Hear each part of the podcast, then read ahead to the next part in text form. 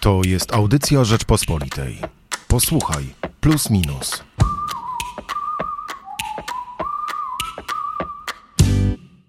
W najnowszym wydaniu magazynu Plus Minus przyjrzeliśmy się polskiej szkole, a dokładnie ucieczce z polskiej szkoły i tym, jak rodzice są nią rozczarowani. Do tego jeszcze wrócimy. Najpierw sobie przekartkujemy tutaj w bardzo miłym towarzystwie, mam nadzieję, e, Państwo też tak ocenią, najnowsze wydanie magazynu Plus Minus. Michał Płociński i Michał Szułdrzyński.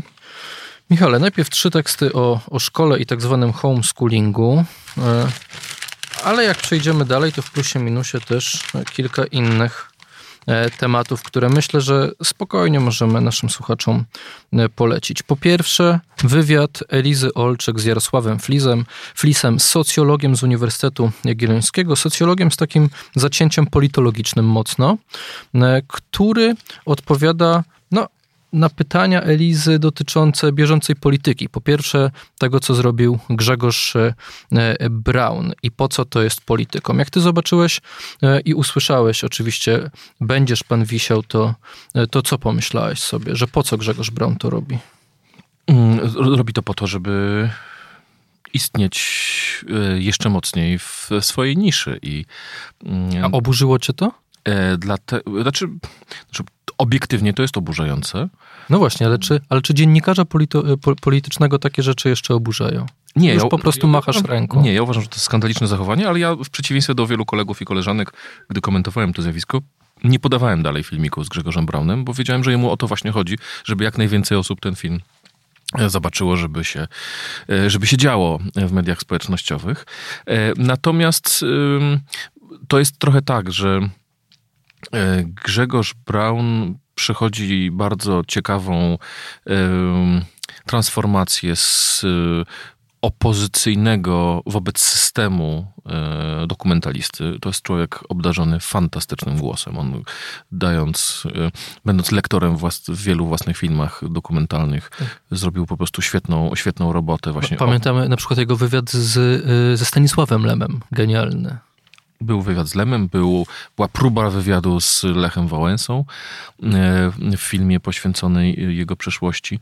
E, także to, to, to jest tak. No i on tych, tych swoje zdolności, e, ten genialny głos wykorzystuje z mównicy sejmowej do tego, żeby mówić: Będziesz pan wisiał. Gdyby Państwo byli zainteresowani dlaczego politycy tak się zachowują, co chcą osiągnąć, w jaki sposób i jak my na to e, e, e, reagujemy jako opinia publiczna, to bardzo ciekawie wyjaśnia to Jarosław Flis. Kim... I dlaczego każdej partii zależy na tym, żeby takiego kogoś mieć? No bo powiedzmy sobie szczerze, no, nie tylko y, partie całkowicie radykalne są radykalne, ale y, wariaci polityczni oczywiście, którzy często robią to z cynizmu i to jest zaprogramowane, są wszędzie. Ale jak sobie przejdziemy dalej i otworzymy plusa minusa na kolejnych stronach, to mamy na przykład dwa teksty o tym, co się dzieje na białoruskiej e, granicy. To jest o tyle ciekawe, że raczej tam dziennikarzy nie ma nawet nie mogą tam dziennikarze wjeżdżać. No chyba, że wybierają się do sanktuarium w, Ko w Kodniu, bo tak się odmienia słowo e, Kodeń. To jest pierwsza ciekawa rzecz, której mogą się Państwo dowiedzieć z tekstu Pawła Rochowicza. To może przeczytajmy ten fragment. Ja będę E, ja będę. Będziesz policjantem. E, nasz kolega redakcyjny, Paweł Rochowicz, usiłuje się dostać do Kodnia, w którym e, jest słynny obraz Matki Boskiej, namalowany w XVII wieku, który Mikołaj Sapiecha ukradł w Watykanie i przywiózł go właśnie do Kodnia. Przypomnijmy tylko, że Kodeń leży na terenie objętym strefą stanu wyjątkowego. Ba bardzo niedaleko Terespola, to dla wyjaśnienia. Wjeżdża do Kodnia nasz kolega Paweł Rochowicz. Dokąd pan jedzie? Pyta policjant zatrzymujący mnie w lesie dwa kilometry przed wsią. Do sanktuarium Matki Boskiej Kodeńskiej. A nie uważa pan, że z Warszawy to trochę daleko jak na jazdę do kościoła? Jeździłem już dalej. A poza tym rozporządzenie o stanie wyjątkowym nie zabrania przyjeżdżać tu z Warszawy w celach kultu religijnego. Stan wyjątkowy jest po to, by ograniczyć ruch ludności na tych terenach. Ale ja mam potrzebę jechać do sanktuarium. Możemy zajrzeć do rozporządzenia, mam jego tekst ze sobą. Proponuję, bo rzeczywiście wydrukowałem sobie stosowny dziennik ustaw. Policjanci już nic nie mówią. Drugi mundurowy ogląda mój dowód osobisty i wodzi palcem po jakimś płaskim urządzeniu z ekranem. Zastanawiam się, w jakiej bazie danych mnie szuka, bo gdyby wpisał do zwykłego Google moje nazwisko, od razu pokazałyby mu się artykuły w Rzeczpospolitej i wiadomo by było, co ze mnie za gagatek. Ale policjant tego nie zrobił i Paweł Rochowicz do Kodnia wjechał. Ja y, byłem w Kodniu, ale trochę to jest tak jak to, że y, mówi się prozą i się o tym nie wie. Nie wiedziałem, że byłem w Kodniu, bo nie miałem zielonego pojęcia, że tak się to słowo odmienia. E, byłeś kiedyś w Kodniu? Nie byłem. Nie To byłem jest bardzo zaskakujące sanktuarium, szczególnie jak się jedzie drogą, na której nic nie ma, zwiedza się, nie wiem, Sława Tycze e, i, i nagle trafia się do Kodnia i, i się trafia w no, niesamowite miejsce, takie, takie arystokratyczne wciąż, taki olbrzymi ogród pałacowy, e, ta wielka bazylika. No niesamowite. E, jakby Państwo chcieli e, zobaczyć, jak wygląda stan wyjątkowy, to na mszę niedzielną do sanktuarium Matki Boskiej Kodeńskiej można się wybrać. A jeżeli Państwo nie chcą się wybrać do Kodnia, proszę przeczytać reportaż Pawła Rochowicza, który zrobił to dla Państwa. Ach, profesjonalnie wyszło. E, jak przejdziemy trochę dalej, to mamy kolejny temat e, dosyć bieżący, bo ostatnio w polskiej polityce takim tematem numer jeden stał się polexit. Nie to, że my już z Unii wychodzimy, ale lubimy sobie ostatnio po tym wychodzeniu z Unii pogadać. Jędrzej Bielecki przyjrzał się, jak e, no, prawie rok po, po tym mm, Brexicie w praktyce, bo ten Brexit trwał i trwał, ale dokonał się jednak, jednak e, 1 stycznia 2021 roku i jak po tym czasie wygląda sytuacja. Głównie gospodarcza Wielkiej Brytanii. Tutaj znajdziemy dane, że, że, że na obsadzenie czeka mm, ponad 900 tysięcy miejsc pracy. Brakuje nie tylko kierowców, ale także pracowników gastronomii, hotelarstwa, rzeźników, robotników budowlanych, informatyków, inżynierów. Więc Unia na tym e, Brexicie Najlepiej nie wyszło, nie wyszła. W Unii było Brytyjczykom źle, bez Unii, jak się okazuje, jeszcze gorzej. E, Ale jest to tekst wielowątkowy, który pokazuje, e, po- pokazuje e, to, to nie w taki tępy sposób, prawda, że wyszli i teraz e, e, żałują. Raczej tutaj znajdziemy em, dużo informacji o takich e, dzisiejszych powiązaniach, prawda, gospodarczych, jak w ogóle świat jest skomplikowany i, jak trudno, nawet jak, jak ktoś podejmie polityczną decyzję, by, by te powiązania przeciąć, jak trudno to zrobić w praktyce. Myślę, że Polska miałaby zupełnie inne problemy, gdyby zdecydowała się na polexit. Raczej nie mielibyśmy od razu tylu prawda, wakatów, e, a, a na pewno nie w tych e, branżach, E, ale, ale to pokazuje, na ile takie decyzje, no, chyba dzisiaj są oderwane od rzeczywistości, prawda? Na pewno jest tak, że każdy kraj jest w zupełnie innej sytuacji. Ktoś, to chyba Wojciech Jakubik kilka dni temu zwrócił uwagę na to, że mamy zupełnie inną sytuację, znacznie bardziej podobną do e, wieku XVIII. To znaczy rosną potęgi e, po naszych obu mm, granicach, na i wschodniej i zachodniej. E, I brak silnego państwa mm, i takiej zintegrowanej sytuacji politycznej może doprowadzić po prostu do rozpadu tego państwa pomiędzy, pomiędzy czy tak wtedy doprowadził. Wielka Brytania ma zupełnie inną e, sytuację, ale warto, y, myślę, ten tekst przeczytać, żeby właśnie zobaczyć, ile problemów wyniknęło, których w ogóle nikt wcześniej y, się nie spodziewał. Tak? Znaczy, że nagle y, problemem stały się kwestie takie jak y, szkocka niepodległość, czy co zrobić z Irlandią, która jest podzielona, a między której granicy y, być nie powinno. Więcej w tekście e, Jędrzeja Bieleckiego pod tytułem W Unii źle, bez Unii jeszcze gorzej. Jak przejdziemy dalej, to mamy jeszcze dwa wywiady. Zacznijmy od tego kulturalnego, bo bardzo bieżący. Jan P. Matuszyński, czyli reżyser Żeby nie było śladów, e, filmu e, no, nie do końca o e, Grzegorzu Przemyku, ale o historii Grzegorza Przemyka jak najbardziej, bo film nie tyczy się, i to od razu Państwu możemy wyjaśnić, i myślę, że zachęcić trochę do, do tego filmu. Mnie na pewno ta informacja bardzo zachęciła, że to nie jest sam film o śmierci i o tym, jak Grzegorz Przemek został zamordowany. To jest film o tym, co działo się później. To jest film jednak o komunizmie, jednak o tamtym systemie.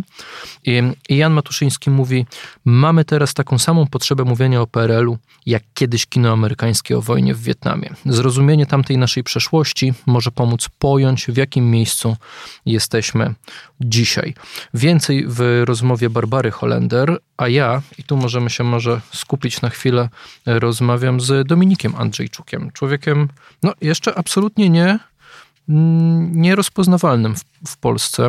Pewnie też dlatego, jak sam przyznaje w tej, że jak sam przyznaje w tej rozmowie, no on tym jakoś dużej tutaj rozpoznawalności i medialności przez ostatnie trzy lata pobytu w Polsce e, nie szukał, dlatego że najpierw e, chciał e, zainwestować i wiedział, że pocztą pantoflową lepiej będzie o nim się plotki roznosiły niż, niż, przez, niż przez media.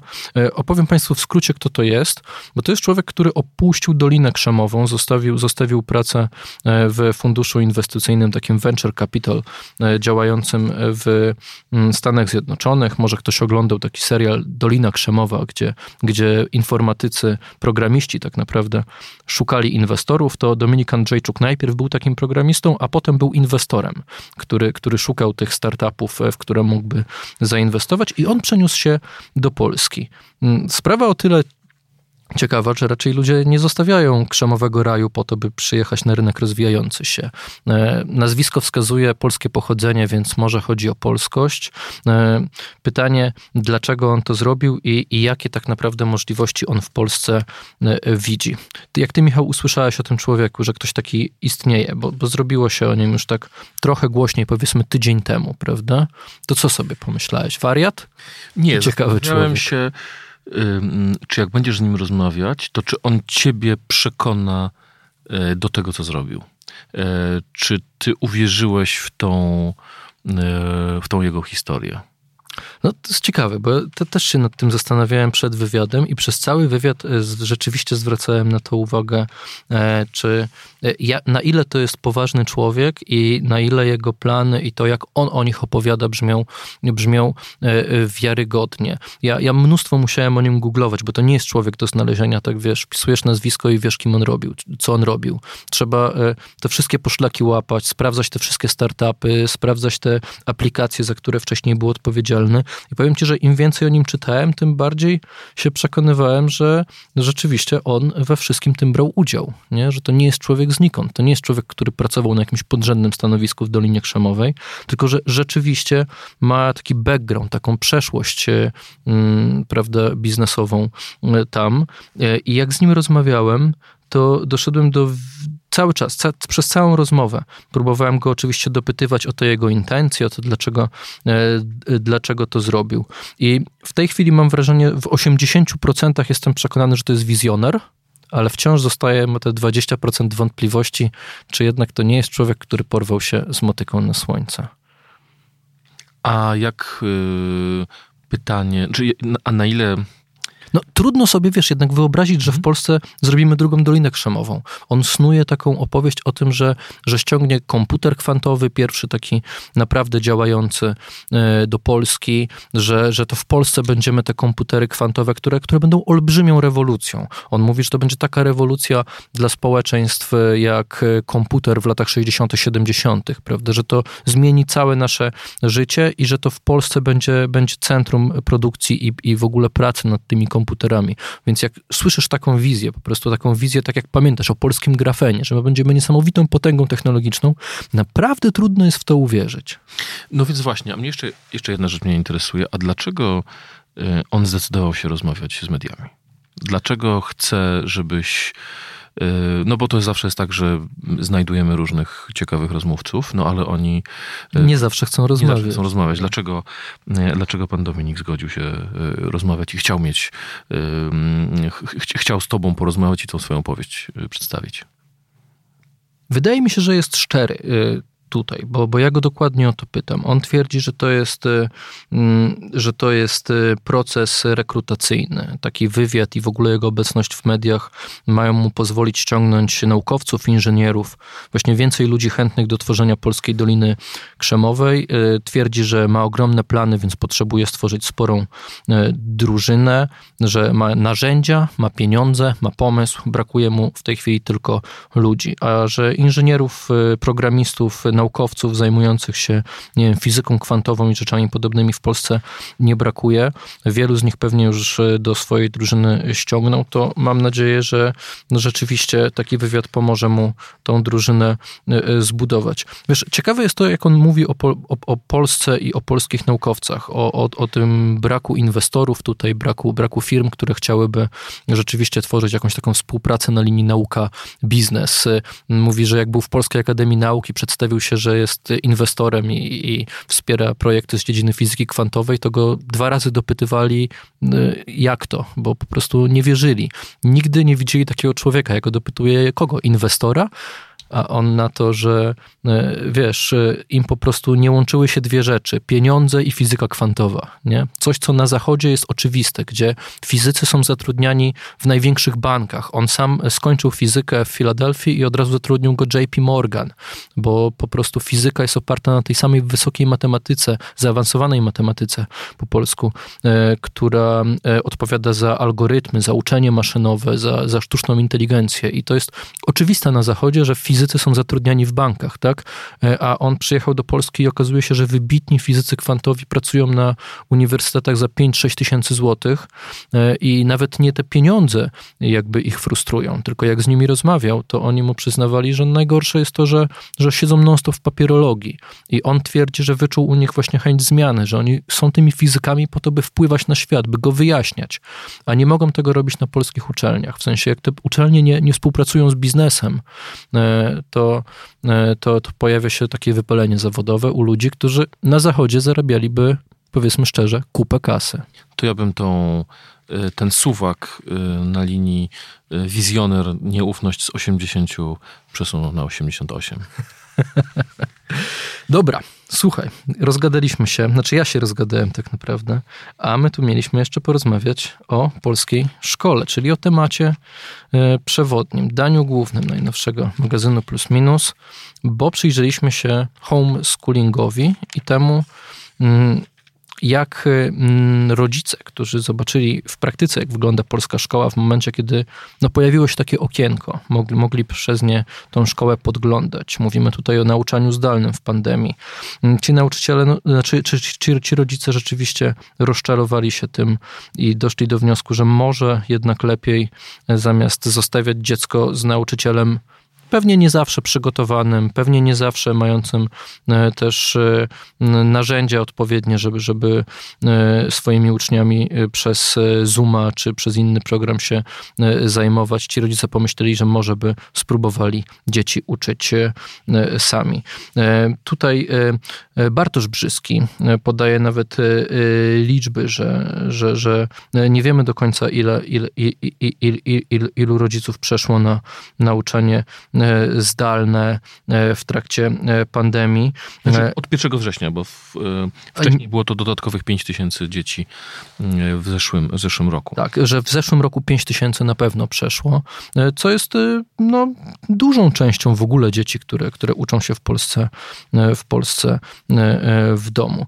Bardzo polecamy Państwu tekst Ucieczka z polskiej szkoły, ale ja chciałbym się zapytać, Michał, Ciebie, jako człowieka, no obaj mamy konserwatywne poglądy, ale to nie, od razu nie przesądza, jakie mamy podejście do homeschoolingu, bo no, już dawno zauważyłem, że po, po stronie konserwatywnej e, no, podejścia są rozmaite. Od, od takiego, że homeschooling to, to najlepsza rzecz, bo można uciąć, uciec przed systemem, który, który jest mało konserwatywny, albo ludzie e, uważają, że to niszczy wspólnotę, budowanie indywidualnych postaw i jak mamy stworzyć e, społeczeństwo i naród, jak dzieciaki będą uczyły się w domu, a nie wspólnie. Jakie jest Twoje podejście w ogóle. Ja mam podejście dokładnie odwrotne do tej, do, tych, do tej antynomii, którą pokazałeś, dlatego że uważam, że y, ucieczka z systemu jest największym ryzykiem y, edukacji domowej. Y, to znaczy mam wrażenie, że jest za dużo w polskiej prawicy konserwatywnej, znaczy wśród polskich konserwatystów eskapizmu i mm, przekonania o tym, że system trzeba opuścić i próbować jakąś szalupę zbudować poza. Z, z czego wynika właśnie to przekonanie? To jest takie przekonanie generalnie, kiedyś o tym pisałem w jednym z felietonów, że, że świat poszedł w złym kierunku, tak? że cywilizacja się rozwija w złym kierunku. W związku z tym, że technologie tak naprawdę są wyłącznie złe, że e, ten nasz świat e, zabiera nam prywatność, Google zbiera o nas informacje, e, Facebook nam pierze mózg i tak dalej. To jest takie marzenie o tym, że da się zrobić świat bez tego wszystkiego, że może da się po prostu nie chodzić do szkoły mm, i żeby dzieci tym tym nie żyły i żeby rodzice również w inny sposób zupełnie prowadzili proces wychowawczy. Czyli odrzucamy współczesną cywilizację. Tak, i to mi się wydaje piękne, ale to mi się wydaje kompletnie nierealne. Tak? Znaczy, bo, bo o tyle mam wrażenie, że konserwatyzm będzie żywy, jeżeli będzie w jakimś dialogu ze współczesnym światem, a nie jeżeli będzie go kompletnie odrzucać. E, bo no są, szczególnie w Stanach Zjednoczonych, wspólnoty religijne skrajnie, skrajnie radykalne, e, które odrzucają zdobycze technologii, jeżdżą bryczkami, nie, nie wysyłają dzieci do szkoły, nie godzą się na transfuzję i tak dalej. Tylko pytanie, czy to jest e, atrakcyjne dla, dla, dla tysięcy, czy, tysięcy czy, czy milionów osób, czy raczej wygląda na jakieś nieszkodliwe, a czasami szkodliwe wręcz e, dziwactwo. I to jest rzecz, której się boję w edukacji domowej. Natomiast to, co, to, co mi się w edukacji domowej podoba, to jest to, że ona nas ona pozwala na pewne wyzwolenie ze stereotypów. E, ze stereotypu, z którym się coraz bardziej rozprawiliśmy w zeszłym roku e, podczas pandemii, czyli że rodzic dorosły, tak, musi mieszkać tam, gdzie ma blisko do pracy. E, praca zdalna sprawiła, że możemy mieszkać w każdym de facto miejscu, a edukacja domowa obala drugi z mitów, czyli trzeba mieszkać gdzieś blisko szkoły. Nie. Dobrej szkoły. Można mieszkać daleko od dobrej szkoły i jeżeli dziś ktoś się decyduje na to, żeby mieszkać w górach albo na Mazurach, gdzieś w oddali od y, dużych ośrodków miejskich, to ma szansę i pracować normalnie, y, i y, prowadzić edukację swoich dzieci. Oczywiście, jak będą potrzebowały już pójść do dobrego liceum, no to już jest sytuacja inna, e, ale, czy, czy, czy na uniwersytet, mm, ale te pierwsze kilkanaście lat życia mogą spokojnie spędzić, spędzić z rodzicami w domu, e, bo jak tutaj podkreślają rozmówcy Bartosza Brzyskiego, bez kłopotu szkoła podstawowa jest do zrobienia przez osobę, która sama tę szkołę skończyła, jeszcze nie daj Boże skończyła liceum albo otarła się o studia, no to nie jest aż tak duży problem, żeby tą wiedzę dziecku przekazać i przygotować ją do egzaminów, które e, poświadczą, że e, przyswoiły materiał. Ja myślę, że ciekawe tutaj jest y, w ogóle to, że rodzice nagle zaczęli interesować się, e, jak ta szkoła wygląda, bo powiedzmy sobie szczerze, no, chyba największym problemem w ogóle edukacji od, od lat, co zauważa już nawet C.S. Lewis, jest to, że mm, po prostu oddajemy dzieci do, do, do, do szkoły, znaczy oddajemy. No, mi też trudno o tym mówić, bo ja sam dzieci nie mam, ale że mm, te, ta szkoła jest trochę takim miejscem przechowalnią, prawda? Gdzie, gdzie można dzie, dzieci e, zrzucić odpowiedzialność za nie, prawda? Na jakiś system i nie przejmować się, co tam się e, dzieje. A tutaj pandemia jednak postawiła, postawiła wielu rodziców e, mm, po prostu mm, przed tym faktem, że jak ta szkoła wygląda i nie mogli już odwrócić oczu. Ja, ja, się, ja się nie zgodzę z początkiem tej, tej diagnozy, czyli, czyli z tą przesłanką. Znaczy, że, że, że wcześniej było inaczej. Ja mam wrażenie, że bardzo wielu rodziców zbyt wiele uwagi poświęca e, szkole i ma zbyt duże oczekiwania od szkoły. I to jest, to jest ten problem, dlatego że mm, e, jeżeli patrzę na często naszą zwykłą podstawówkę na obrzeżach Warszawy, w której chodzą nasze dzieci i patrzę, jak, jak bardzo zaangażowani są rodzice. Ile maili ja dostaję dziennie z grup poszczególnych dzieci. No może to wynika z tego, że y, mam kilkoro dzieci w, już, już w szkole. Więc i dużo maili. Y, więc i dużo maili, ale, y, ale, ale ten zapał wielu rodziców jest naprawdę ogromny. Y, I, I raczej to, z czym jest problem, y, to takiego jasnej, takiej jasnej umowy społecznej to znaczy co szkoła daje, a co dają rodzice, tak? Co szkole wolno, a czego, a czego nie wolno. E, bo to, co moim zdaniem jest często źródłem nieporozumień, jest to właśnie, że rodzice różni rodzice mają zupełnie sprzeczne oczekiwania od szkoły. Tak, że jedni chcą, żeby to była przechowalnia i żeby oni mieli to z głowy, a inni chcą, żeby właśnie szkoła realizowała dokładnie ich pomysły e, dydaktyczne czy, czy, czy wychowawcze. I żeby nie wtrącała się w kwestie, którymi oni sami chcą się zająć, tak? Albo też, żeby zajęła się wszystkim i żeby po prostu dziecko spędziło w szkole od 8, e, czas, od, od 8 do 17, jak wrócą z pracy i żeby potem jeszcze w, w świetlicy odrobiły lekcje, żeby potem po... po, po... To, to, widzisz, jak są takie rozmaite tutaj potrzeby i oczekiwania, no to chyba nie da się tego po prostu pogodzić. Całkowicie się z tobą zgadzam. No dobra, ale rozmawiać trzeba, tak? I tak zastanawiać jest. się.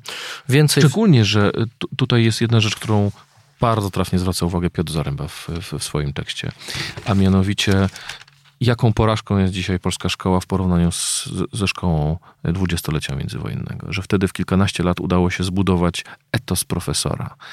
Y, te wszystkie opowieści o Kolumbach, które znamy z rzewnych y, y, filmów o, o, o pokoleniach, które walczyły w Powstaniu Warszawskim, czy brały udział w AK jako młodzi ludzie, którzy po prostu wynieśli pewną niezwykle silną formację z, ze szkół II Rzeczpospolitej.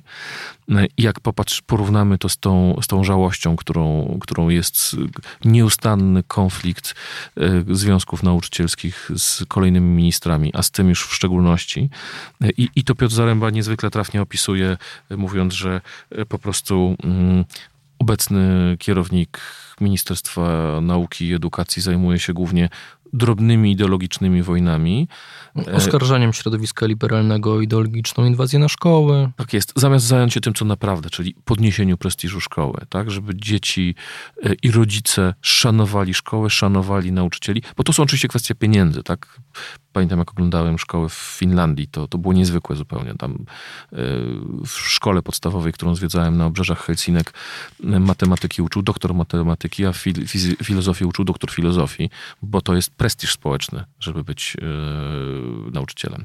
Oczywiście on wynika z znacznie wyższych zarobków, ale to jest też całe otoczenie, cała aura i tak dalej. Jeżeli minister wojuje ze szkołą, jeżeli mieliśmy strajk nauczycieli, który yy, poprzednie kierownictwo postanowiło po prostu kompletnie zignorować i, i, pokazać, że nauczyciele są niewdzięczni, źli i że ten proces jest polityczny. Nie, tak szacunku do szkoły nie zbudujemy. No i kończy się to tym, czym się kończy. W wielu szkołach mamy wciąż, mimo że jest koniec września, mnóstwo wakatów i problem ze skomple skomplementowaniem e, kadry nauczycielskiej. Michale, przejdźmy jeszcze do jednego e, tematu. Może, może tylko tak przypomnę, że Bartosz Brzyski pisze o ucieczce z polskiej szkoły w najnowszym plusie minusie. Piotr Zaręba e, o reformie której tak naprawdę nie ma, reformie e, ministra Przemysława Czarnka. Jeszcze Tomasz e, Srebnicki, psychoterapeuta, opowiada o tym, jak e, uczniowie przeżyli pandemię i to zamknięcie w domu i lekcje zdalne, jak na nich wpłynęło. Ale jeszcze zauważyłem, przeglądając dzisiaj tak sobie magazyn Plus Minus, czytałem wszystkie te teksty, ale jakoś się tak nie zestawiłem w głowie, a teraz widzę, widzę to bardzo klarownie. Trzy felietony poświęcone dokładnie dokładnie temu samemu tematowi, mimo że z różnych e, stron. No, chyba jednak bardzo dużo dyskusji e, w ogóle, e, nie tylko w mediach społecznościowych, rzeczywiście wywołały urodziny Roberta Mazurka i wydaje się, że, że to nie jest taka czcza dyskusja dla dyskusji, tylko że jak patrzę, że jak i ty, i Tomasz Terlikowski, i sam Robert Mazurek wyciągacie z, niej, z, tej, z, z, tej, z tej sprawy głębsze e, e, wnioski, no to chyba rzeczywiście jest na czym się tu pochylić, nad czymś. To prawda, to prawda, bo jest, jakby to są dwa aspekty. Pierwszy aspekt jest taki, że e, może przypominając całą historię, fakt pokazał zdjęcia polityków PiSu i Platformy, ale również przypamiętał się politykę lewicy który poszedł w krzaczki zamiast skorzystać z, z toalety w tym A, lokalu. a sam Robert Mazurek twierdzi, że byli tam politycy z wszystkich klubów parlamentarnych. Tak jest. E, I, i, e, i I problem, mamy skandal. I problem polega na tym, że e, wówczas trwało posiedzenie Sejmu. Marian Banaś, prezes Najwyższej Izby Kontroli, przedstawiał coroczne sprawozdanie i dokładnie w tej chwili, gdy przedstawiał to sprawozdanie, posłowie rozmawiali ze sobą. Co gorsza, co oburzyło wszystkich, Przy alkoholu. Posłowie PiSu z posłami Platformy. Minister Neumann, który krytykował zakupy respiratorów przez ministra Cieszyńskiego i e, przez wiceministra Cieszyńskiego i przez ministra Szumowskiego, z tymi samymi ministrami Szumowskim i Cieszyńskim rozmawiał e, przy, e, na urodzinach Roberta Mazurka. I teraz tu tu się pojawiły dwa oskarżenia. Pierwsze wo, wobec tych polityków. Ja to zostawię, bo to jest jak gdyby osobna sprawa. Natomiast pojawiły się oskarżenia wobec Roberta Mazurka, że, że się fraternizuje z, e, z dziennikarzami, z politykami. I tutaj mamy różne podejścia. To, co mnie zaskoczyło, to, bo właśnie o tym aspekcie politycznym pisze Robert Mazurek, tak? O tym, że Donald Tusk zawiesił e, w, par- członkach, e, w, w, w funkcjach partyjnych swoich e, kolegów. I czego tak naprawdę Donald Tusk oczekuje od polityki? To No właśnie, i to, to jest. To, Robert Mazurek twierdzi, że to po prostu wynika z tego, że Donald Tusk nie był zaproszony i teraz się mści na w dobrym stylu Roberta Mazurka. kolegach. Em, Donald Tusk tylko stwierdził przy, w, w, w, wideoczacie, który miał we czwartek, że nie byłby zaproszony, a nawet gdyby to by i tak nie, nie przyszedł. Tak, to, Tomasz Terlikowski za to przygląda się moralistom wszystkich e, stron. E, Dlaczego tak lubimy e, moralizować i czego my za to oczekujemy e, od polityków, my jako wyborcy, jako społeczeństwo, a ty rzeczywiście skupiłeś się na dziennikarzach. Ja się skupiłem na dziennikarzach, dlatego że no chyba nikt nie jest na tyle naiwny, żeby wiedzieć, że dziennikarze mają kontakty z politykami, no bo przecież do licha skądś muszą informacje brać, żeby pisać. I to nie tylko dotyczy dziennikarzy liniowych, reporterów, ale również felietonistów i publicystów, No, ponieważ... Tych, którzy przeprowadzają wywiady. I tych, którzy przeprowadzają wywiady, dlatego że być może ktoś ma takie wrażenie, że super obiektywny jest ten dziennikarz, który wszystko pisze z zabiórka, tylko że wtedy on się ślizga po powierzchni. On tak naprawdę jest skazany wyłącznie na relacje innych. Natomiast jeżeli nawet felietonista jeżeli chce dobre, przenikliwe felietony pisać, musi mieć własne kontakty z Musi rozumieć rzeczywistość. Musi rozumieć o co chodzi, musi rozumieć gry frakcji rozmaitych i tak dalej, i tak dalej. I teraz problem, mo- moim zdaniem, dziennikarza e, tłumaczą jego teksty.